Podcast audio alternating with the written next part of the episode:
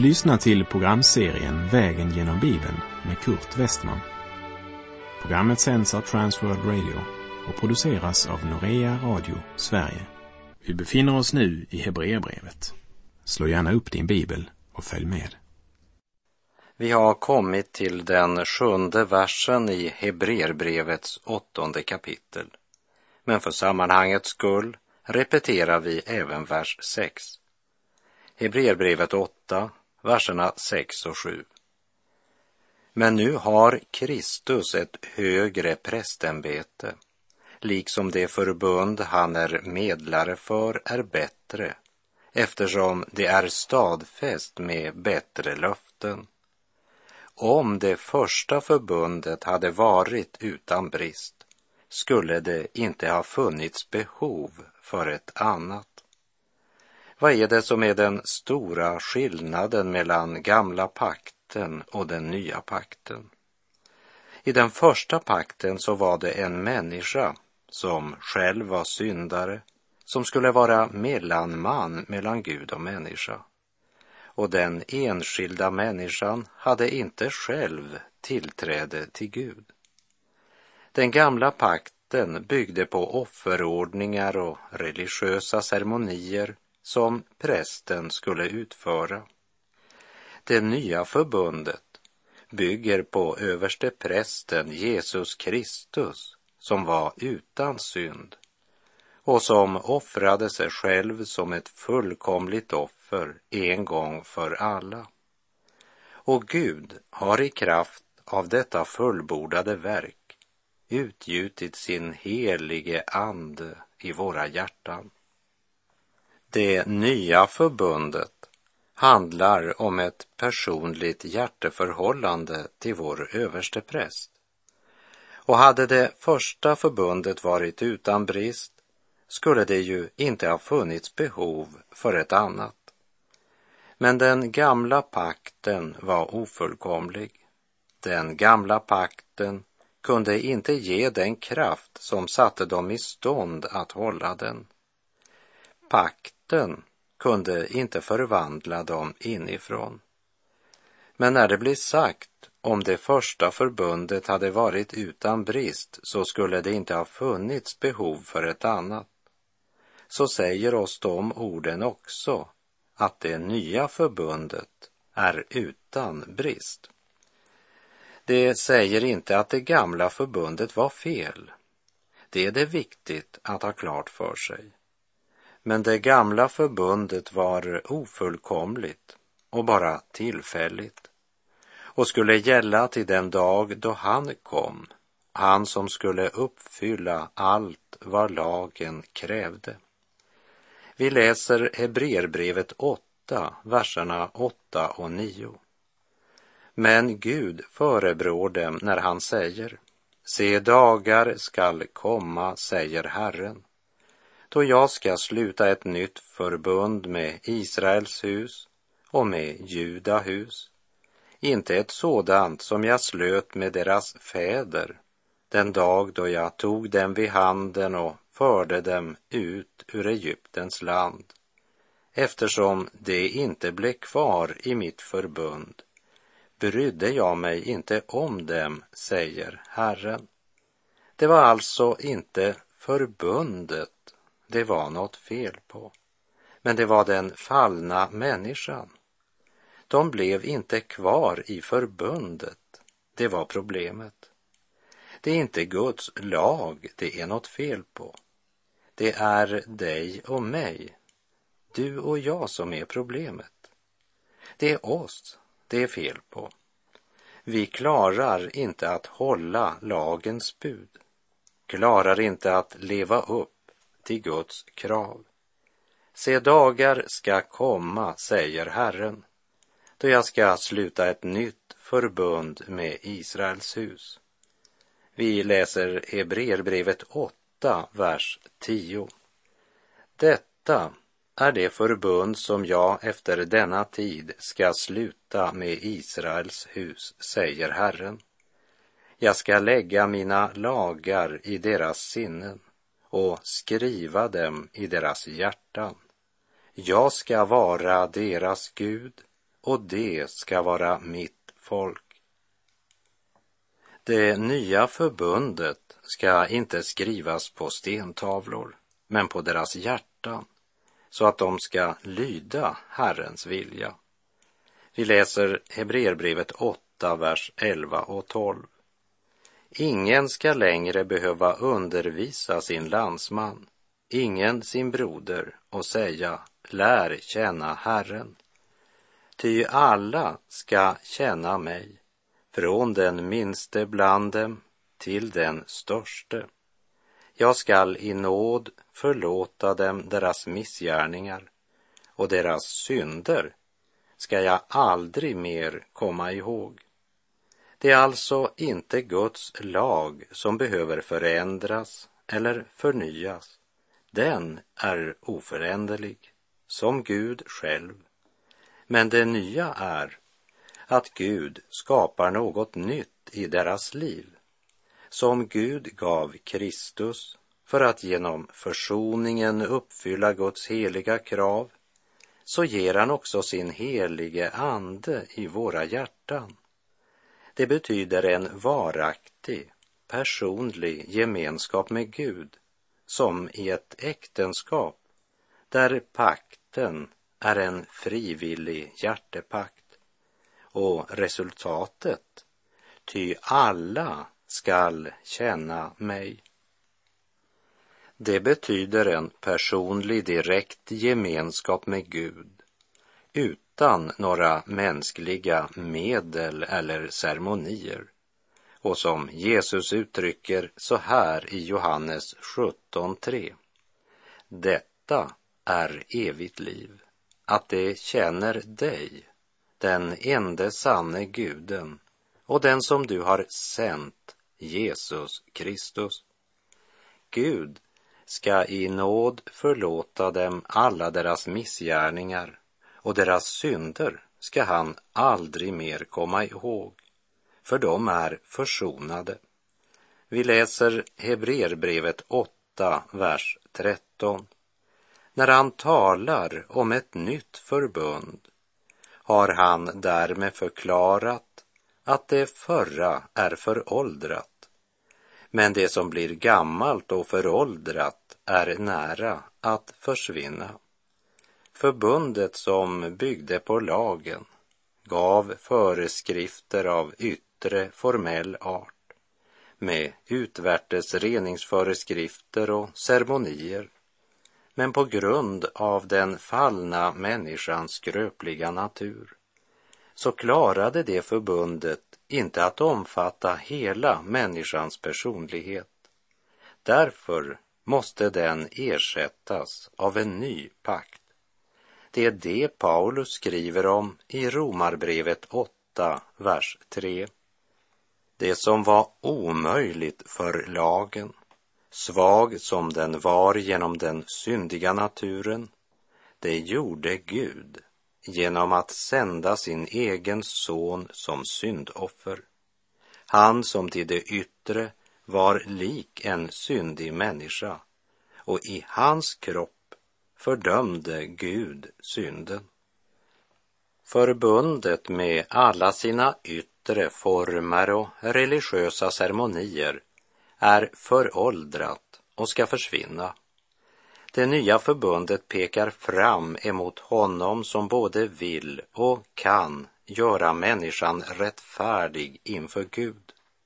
Ge människan ett rent samvete. Det gamla förbundet kunde inte frälsa människan. Men det betyder inte att människorna under det gamla förbundet inte blev frälsta. För offren de frambar pekade framåt det fullkomliga offer som skulle komma. Och i kraft av Kristi fullkomliga offergärning fick offren i det gamla testamentet sin giltighet. Men genom den helige Ande som nu är utgjuten så gör Gud det omöjliga. I kraft av honom som uppfyllt lagen i ditt och mitt ställe. Ty allt som hör till liv och Guds fruktan har hans gudomliga makt skänkt oss genom kunskapen om honom som har kallat oss genom sin härlighet och ära. Genom dem har han gett oss sina dyrbara och mycket stora löften för att ni i kraft av dem ska få del av gudomlig natur sedan ni kommit undan det fördärv som på grund av begäret finns i världen, skriver Petrus i sitt andra brev kapitel 1. Och i Romarbrevet 5, vers 10 och 11 står det. Ty om vi, medan vi var Guds fiender, blev försonade med Gud genom hans sons död, hur mycket säkrare ska vi då inte bli frälsta genom hans liv när vi nu är försonade? Men inte bara det. Vi gläder oss även i Gud genom vår Herre Jesus Kristus, genom vilken vi nu har tagit emot försoningen.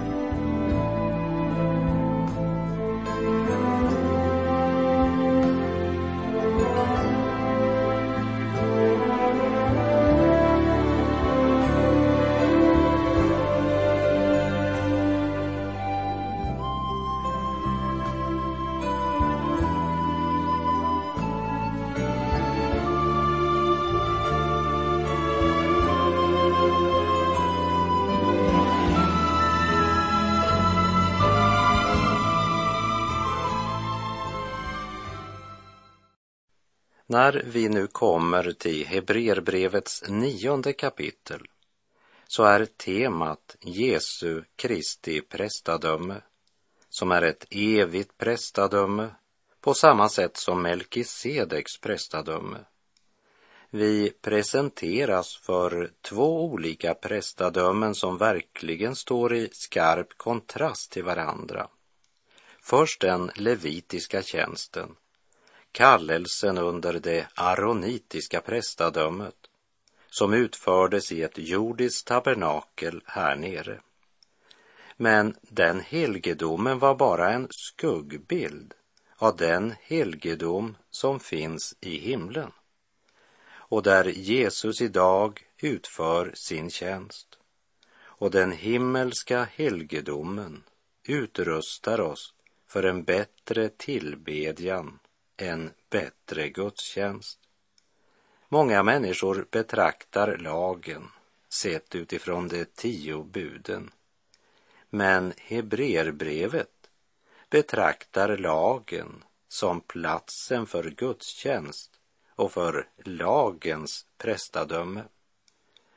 Lagen kunde aldrig komma till rätta med syndproblemet, ty det är omöjligt att tjurars och bockars blod skulle kunna utplåna synder, som det blir sagt i Hebreerbrevet 10.4. Vi läser Hebreerbrevet kapitel 9, vers 1. Det första förbundet hade alltså sina föreskrifter för gudstjänsten och sin jordiska helgedom. Det är viktigt att vi lägger märke till att det står jordiska helgedom. Det står inte världsliga helgedom. Så det betyder att denna helgedom var gjord av material som fanns på jorden. Och den hade jordiska mått med längd och bredd och hade ett föreskrivet ritual som människorna gick igenom i den jordiska helgedomen här nere. Och brevet kommer nu att fokusera på den enorma kontrasten till den himmelska helgedomen. Vi läser Hebreerbrevet 9, vers 2. I tabernaklet inreddes ett främre rum som kallades det heliga. Där stod ljusstaken och bordet med skådebröden. Vi lägger märke till att även om Herodes tempel fanns i Jerusalem vid det här tillfället så refereras aldrig till templet. utan Gud går alltid tillbaka till den flyttbara tälthelgedomen, för det är den som är en skuggbild av den himmelska. Och även när Uppenbarelseboken talar om tidsålderns avslutning så refereras inte till templet utan till tabernaklet. I Uppenbarelseboken 21, vers 3 läser vi och jag hörde en stark röst från tronen säga Se, nu står Guds tabernakel bland människorna och han skall bo hos dem och det ska vara hans folk och Gud själv ska vara hos dem. Och i tabernaklet som Israels folk bar med sig så inreddes ett främre rum som kallades det heliga. Och där stod ljusstaken och bordet med skådebröden. Vi läser Hebreerbrevet 9, vers 3 till och med 5. Bakom den andra förlåten fanns ett rum som kallades det allra heligaste. Dit hörde det förgyllda rökelsealtaret och förbundsarken som på alla sidor var överdragen med guld. I den fanns en guldkruka med mannat, Arons stav som hade grönskat och förbundets tavlor. Ovanpå arken stod härlighetens keruber som överskuggade nådastolen. Men detta skall jag inte nu gå in på i detalj. I det allra heligaste som var åtskild från det heliga genom ett förhänge eller en förlåt, genom vilket endast överste prästen fick träda in, och där inne var två saker placerade. Det var arken som var gjord av gofferträ, belagt med guld både invändigt och utvändigt. Och ovanpå arken låg soningslocket som kallades nådastolen. Men det locket var gjort av rent guld. Och på detta lock skulle överste prästen stänka av offerblodet det var därför det kallades för nådastolen. För utan att blod utgjutes ges ingen förlåtelse, som det står i Hebreerbrevet 9.22. Men Hebreerbrevets författare säger han vill inte gå in i detalj i de detaljerna nu. Det är något annat han vill fram till där han först nämner den jordiska helgedomen innan han går vidare. För poänget är att tabernaklets tälthelgedom var delat. Först så hängde det ett förhänge för ingången till det heliga och sedan ännu ett förhänge som avskilde det allra heligaste. Bakom den andra förlåten fanns ett rum som kallades det allra heligaste. Den gamla paktens gudstjänst var alltså verkligen begränsad. Vanligt folk kunde inte ens gå in i det heliga. Det var det bara prästerna som kunde göra. Och det var endast den som var av Levis stam som kunde bli präst och in i det allra heligaste kunde endast översteprästen gå. Och han gick in för att representera folket och genom blodet bringa försoning för deras synder. Men först måste han bära fram ett offer för sina egna synder eftersom den som ska stå som folkets representant inför Gud måste vara syndfri. Men alla dessa begränsningar och att vi ska ha en människa som är vår medlare inför Gud, det upphörde då förlåten i templet rämnade mitt i tu. Jag citerar Markus 15, vers 38, som beskriver det med följande ord. Då brast förlåten i templet i två stycken, uppifrån och ända ner. Men det gamla förbundet var begränsat av att det var syndiga människor som var präster och begränsades av att offren måste återupprepas om och om igen och begränsat av att den enskilda människan inte ens kunde gå in i det heliga.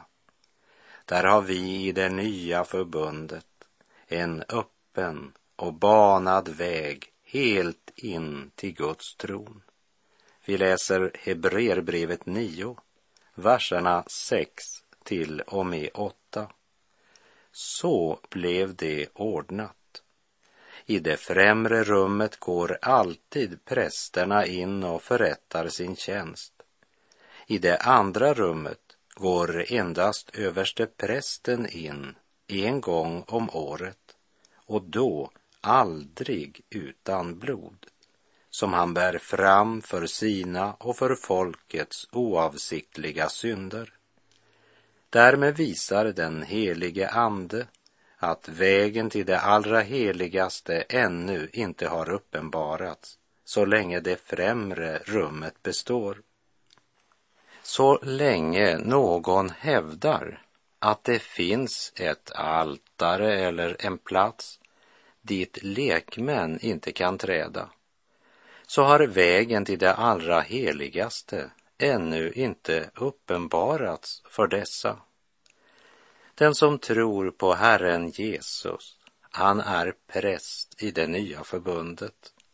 Och är han inte präst, så tillhör han inte heller Jesus. Och den som inte tillhör Jesus är inte frälst.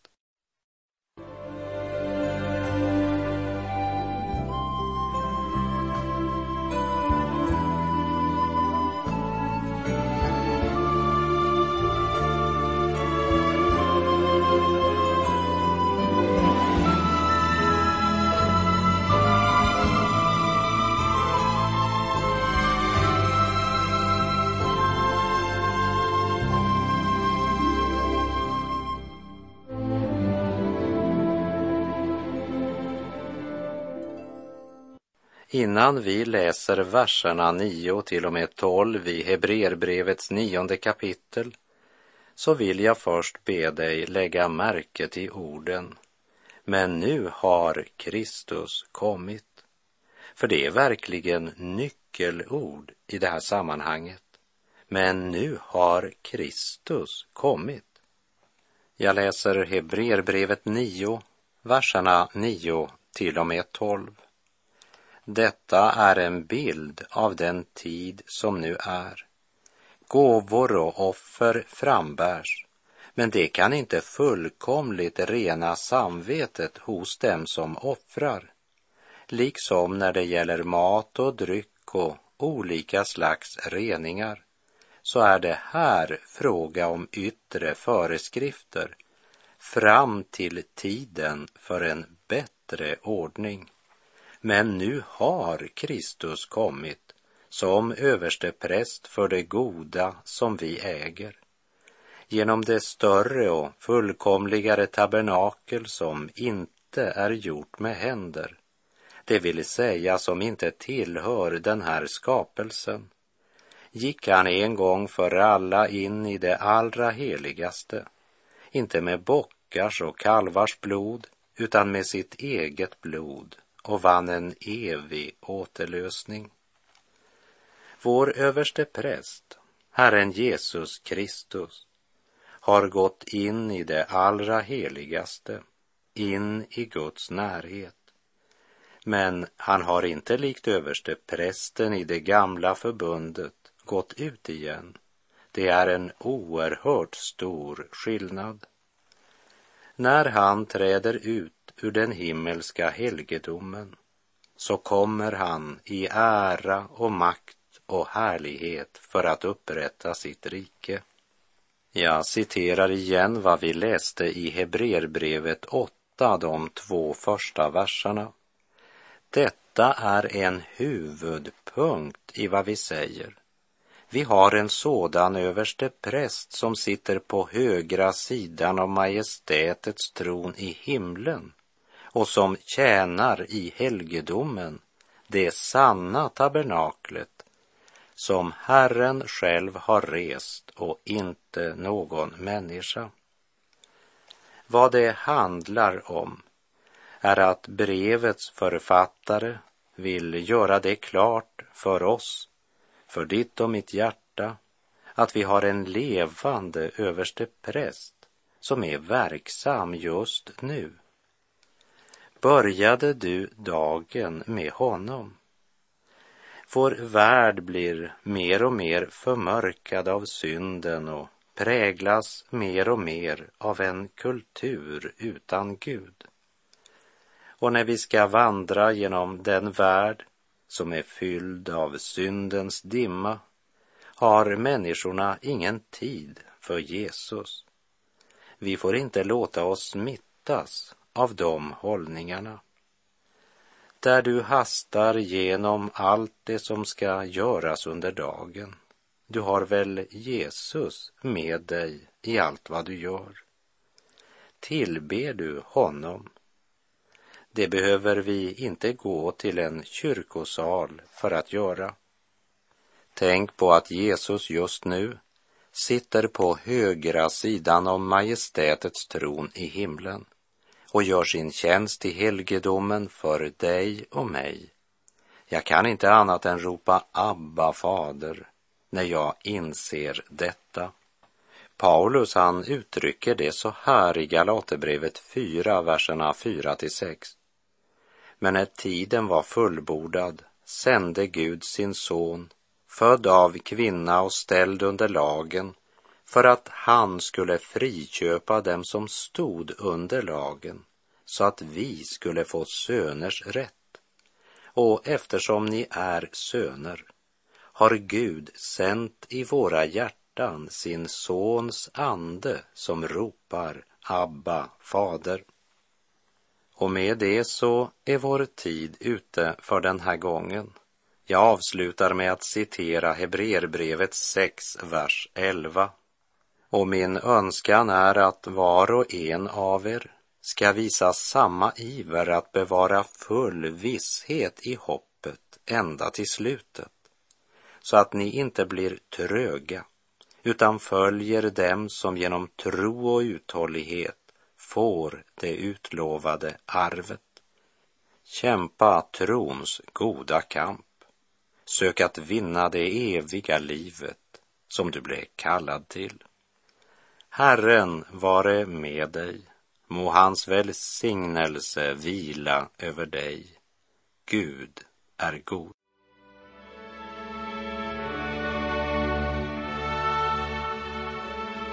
Du har lyssnat till programserien Vägen genom Bibeln med Kurt Westman som sänds av Transworld Radio.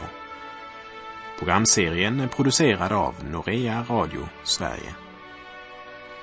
Om du önskar mer information om vårt radiomissionsarbete så skriv till Norea Radio Sverige, box 3419 103 68 Stockholm. Adressen är alltså Norea Radio Sverige box 3419. Postnumret 10368 Stockholm.